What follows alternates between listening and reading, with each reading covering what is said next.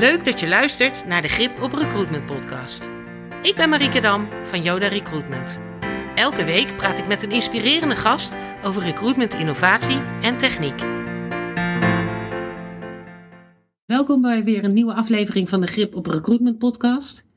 Ik heb Thijs Dams weer te gast. Thijs, welkom. Ja, dank je Marieke. Thijs is sales manager bij Recruitie en misschien wil je jezelf even kort voorstellen. Ja, dus uh, sales manager, ja. Ah joh. Account executive noemen we het bij ons. Oh, dat is nog coolere naam. Nog coolere naam, ja. Um, en dan inderdaad van, van Recruiting. Een applicant tracking system, gericht op uh, ja, vooral samenwerken tussen de verschillende stakeholders van het recruitmentproces. Ja, en applicant tracking system. Ik heb het al eerder gezegd, maar dat is een kandidaat-volgsysteem. Dus een systeem ja. waarin je de kandidaatreis optimaal kan bijhouden. Zowel intern als naar buiten gericht. Ja.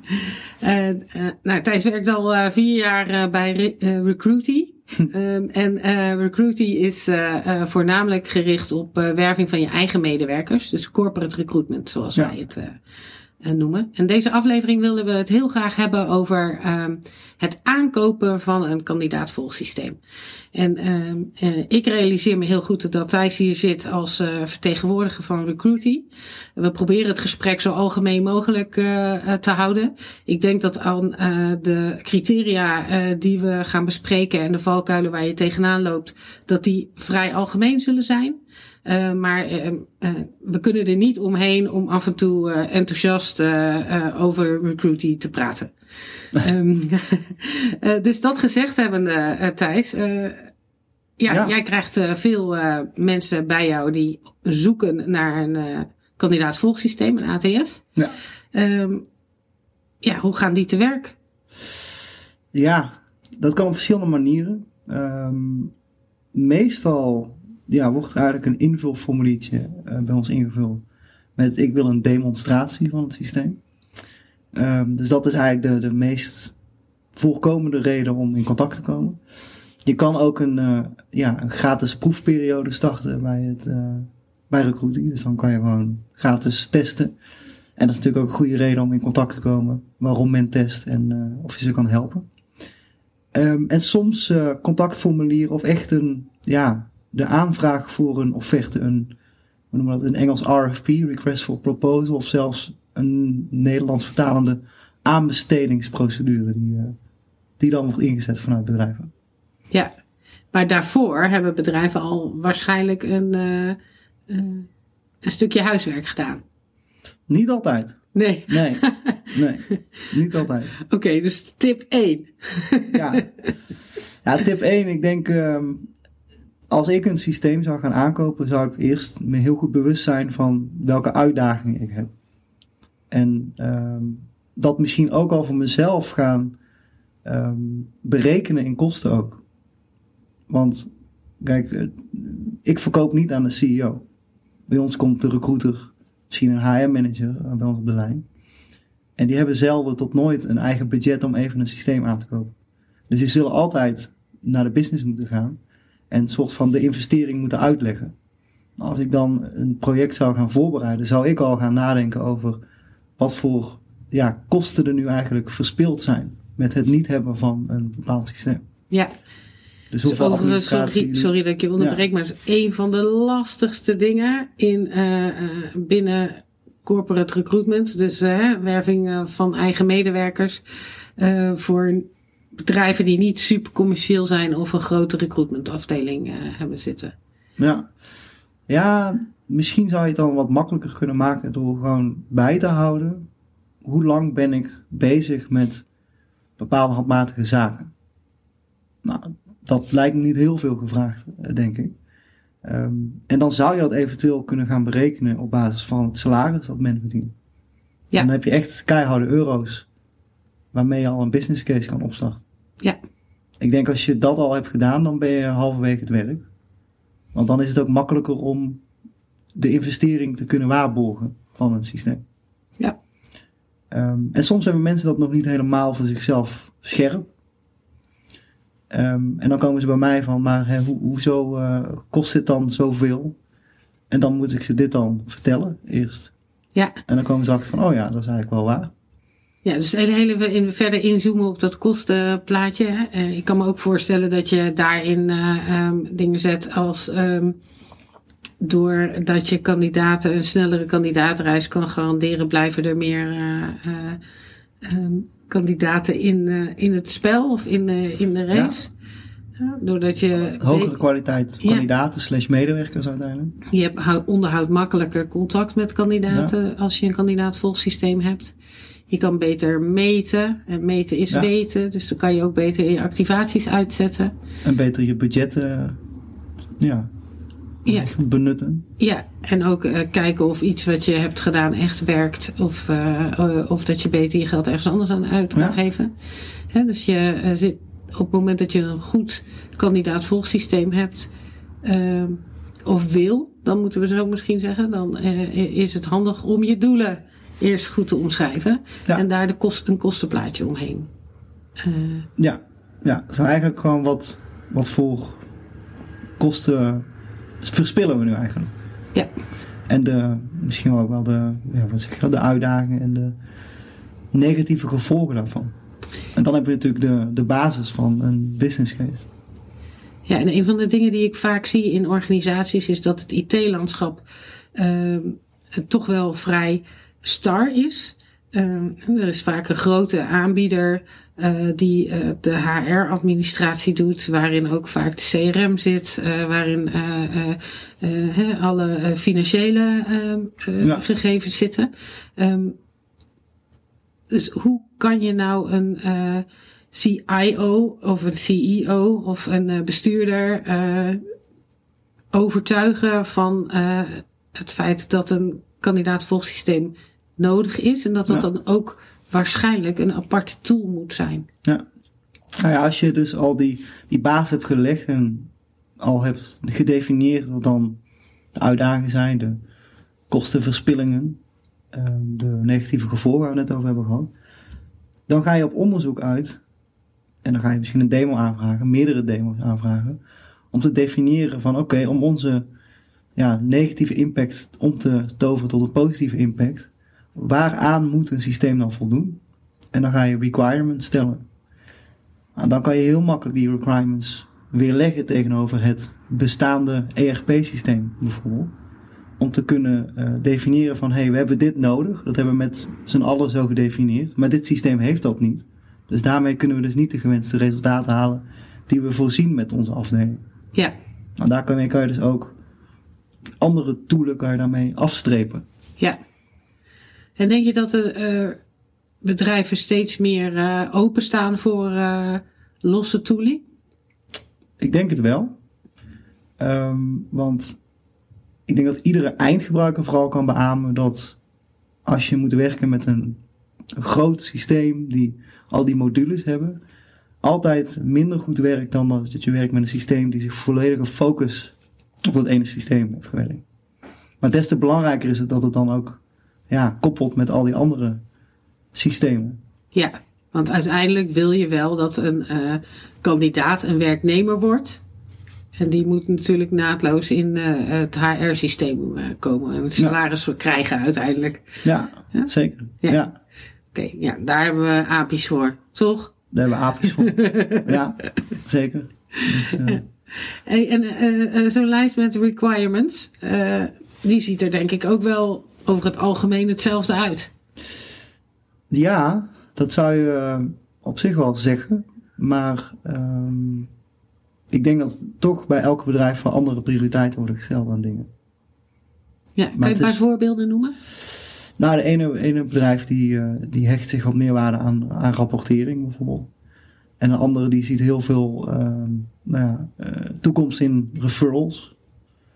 En een andere wil dan ook de vacature aanvraagproces in een systeem hebben. Uh, andere heeft weer de ene andere integraties. Dus er zitten wel verschillen tussen verschillende organisaties. Um, en wat ik altijd zou doen, en wat ik dus ook wel eens fout zie gaan, ik zou altijd mijn requirement lijst opstellen op basis van demo's die ik heb gezien. Want dat zie ik nog wel eens fout gaan. Dan wordt er voordat er überhaupt naar tools is gekeken, worden er requirements opgesteld. Maar dan heb je misschien wel requirements die helemaal niet realistisch zijn. Of je bent als klant nog helemaal niet geïnformeerd over wat belangrijk is. Ja. En dan ga je eigenlijk een project uh, ja, starten met dingen die misschien helemaal niet correct zijn op basis van jouw scope. En dat Ja. zie ik heel vaak fout gebeuren. Dus ga eerst jezelf oriënteren op basis van de mogelijkheden. Stel dan die requirement lijst op. En ga dan verder met het project. Om te voorkomen dat je een soort droom najaagt die Ja. gewoon niet bestaat. Klopt. Ja.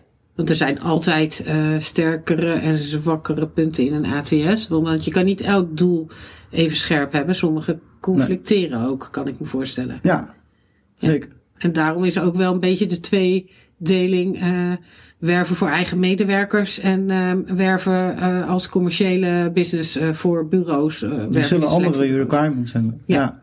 Ja, duidelijk. En al, al stuur ik nu een beetje mijn verhaal naar ga zo'n requirement lijst opstellen, moet je er ook weer niet blind op staren.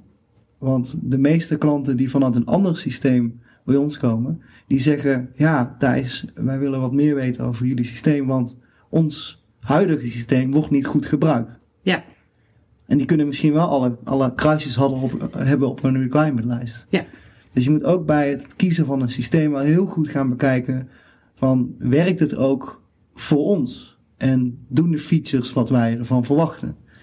Dus daarvan zou ik ook niet blind staren op alleen die requirement lijst, maar ook echt het systeem gaan testen. ja, En dat vind ik ook iets wat veel te weinig bedrijven doen. Die gaan dan misschien wel duizenden, 30.000, 40.000 euro's per jaar uitgeven voor een systeem, zonder het eerst getest te hebben. Nou, dan denk ik van, dat is een heel makkelijk onderdeel die je even in je, ja, in je, je research en je oriëntatie kan toevoegen. ja. Heel goed. Hey, en, ehm, ik, want ja, ik heb wel veel, veel requirements lijsten gezien. Eh, daarin staat eh, ook altijd intuïtief gebruik. Intuïtief in gebruik staat er Ja, altijd Ik op. denk dat iedere leverancier ja in. Ja, toch? Ja, Ja, ja, ja. Wat kan, kan je een voorbeeld eh, geven van wat jullie verstaan onder intuïtief gebruik? Ehm, intuïtief gebruik is eigenlijk, de definitie daarvan is eigenlijk dat iets niet moeilijk is om aan te leren. Dus als iets intuïtief is, dan kijk je ernaar en dan weet je precies hoe het werkt. Als iets niet intuïtief is, dan ben je de hele tijd op zoek naar knopjes. Dat is eigenlijk precies wat intuïtief is. Dus veel mensen die verwarren dat ook een beetje met de user interface. Want iets kan er heel mooi uitzien, maar hoeft niet zo gebruiksvriendelijk te zijn. Het ziet er mooi uit, maar toch weet je de knopjes niet te vinden. Ja, En dat is eigenlijk iets wat je echt alleen maar zelf kan testen. Want ik zelf geef dan vaak demonstraties. En ik kan dat systeem van ons, Recruit, die kan inmiddels wel dromen. En dat hebben al die andere mensen die die demonstraties van andere leveranciers natuurlijk ook. Eh, maar daarvan kan je niet bepalen of iets gebruiksvriendelijk is. Daar moet je, moet je zelf kijken van kan ik zelf die knopjes vinden? Eh, kunnen mijn collega's er snel mee werken en snappen ze het systeem? En dat is niet ja, te definiëren op basis van een demonstratie van iemand. ja. Nou, we hebben het in de vorige podcast even gehad over eh, het samenwerken met je collega's in het systeem. Eh, een, van de, nou, een van de belangrijke features van Recruity. Recruity. blijft, blijft een ingewikkelde voor mij. Ehm, eh, je kan veel rollen definiëren. Ja, Ehm, en, en we zijn vorige keer heel kort even op inge, ingezoomd. Ehm, het is misschien wel interessant om er heel even een beetje over door te praten. Want samenwerken in het eh, wervingsproces is ontzettend belangrijk in je eigen organisatie. ja. Ehm, er zijn best wel veel rollen te benoemen binnen zo'n proces. Mhm. Eh, kan jij aangeven hoe, dat, ehm, in, hoe je dat in kan richten? ja. zeker. Ehm, nou, waar, dat is misschien even, ik wil niet te veel commercieel zijn over, over een commercieel praatje geven over recruiting. Maar wat heel prettig is in onze visie is dat je dus, dat wij niet bepalen hoe je rollen gedefinieerd zijn. Dus je hebt ook bedrijven die hebben dan een prijsmodel op basis van gebruikers en hebben ze een soort van hiring manager rol. Ehm, en dan bepaalt dat bedrijf voor jou hoe zo'n hiring manager moet werken. Nou, Ja. Dat is heel erg tegen onze visie. Want wij vinden dat je zelf mag bepalen op welke manier voor vrijheid je iemand geeft. Dus dat betekent dat je dingen kan instellen dat bijvoorbeeld in het ene wervingsproces de recruiter eigenlijk de enige is die mensen mag afwijzen, naar een volgende fase mag zetten. En dat de manager alleen degene is die mag bekijken en beoordeling mag geven. Maar er zijn ook bedrijven die willen graag dat de manager wat meer in controle is en meer de verantwoordelijkheid in de lijn wordt gelegd, wordt dat wel mooi genoemd. Ja, want hiring managers, vacaturehouders. Vacaturehouders, hiring managers, Ja. teamleiders, nou, Ja. allemaal termen. Maar het zou kunnen dat er wordt bepaald dat zij juist wel zelf die kandidaten door het proces moeten gaan begeleiden. En zelf afspraken mee moeten plannen of zelf mogen afwijzen. En dat zijn allemaal rolinstellingen die je mag aanmaken. Ja. Of dat je wilt dat managers zelf vacatures mogen aanmaken. ja, of dat je wil dat er iemand meekijkt die niet alles hoeft te zien, maar alleen eh, een cv. Ja, Of alleen één vak- meekijkt met één vacature, Ja. maar daarin zelf niks kan eh, qua eh, fasering of eh, eh, wijzigen of notities, maar wel gewoon jouw backup kan zijn bijvoorbeeld. Ja. in, in. Of ook mede-interviewer, waardoor je Ja. goed voorbereid kan zijn. Ja. Ja. dus aan de voorkant, op het moment dat je gaat testen, hè, dus ik probeer hem even samen te vatten. Hè. Ga je als je een eh kandidaat volgsysteem wil aanschaffen, eh, ga je eerst even intern kijken of de, ehm, eh, wat het je oplevert, zodat je dat Ja. goed kan wegzetten bij, eh, bij de directie. Mhm. Ehm, het budget vrij kan maken daarvoor. Dan ga je demo's aanvragen. Daarna maak je een lijst met requirements. Ja. En dan ga je testen met een gemêleerd team. Ja, dus tussen het testen en de requirements ga je dan weer demo's doen. Misschien met meer betrokkenen om met z'n allen een consensus te maken. Ja, Ehm, maar heb je dan een keuze gemaakt, misschien tussen twee leveranciers? Ga dan vooral echt even testen. ehm, voordat je een kat in de zak koopt. ja, En dat wil je natuurlijk niet. En als laatste, dat hebben we het eigenlijk nog niet over gehad, maar ik zou ook niet, probeer ook niet ineens te gaan blind staren op één zo'n onderdeel. Probeer Nee. altijd de hele scope te zien. Want wij zien het nog wel eens gebeuren dat er dan een keuze wordt gemaakt om één zo'n integratie. Terwijl je eigenlijk altijd moet kijken van het grotere plaatje in zich houden. En dat is heel moeilijk soms. Voor- ja, dus je moet ook een beetje vooruit kijken. Ja, Met waar willen we naartoe? En hoe kunnen we gebruik maken van alle mogelijkheden van het systeem? Ja. Uiteindelijk ga je toch verbeteren. Wil je toch verbeteren als je een systeem aan, eh, ja. aankoopt. Ja, interessant. Leuk. Ehm zullen we gewoon nog een keer een podcast opnemen? ja, lijkt me leuk. Hartstikke bedankt dat je er weer was. Graag en eh, tot snel. Tot snel. Bedankt voor het luisteren. Nieuwsgierig naar innovatieve recruitment technieken voor jouw organisatie? We helpen je graag. Kijk voor contactinformatie op de website van Yoda Recruitment. Tot volgende week.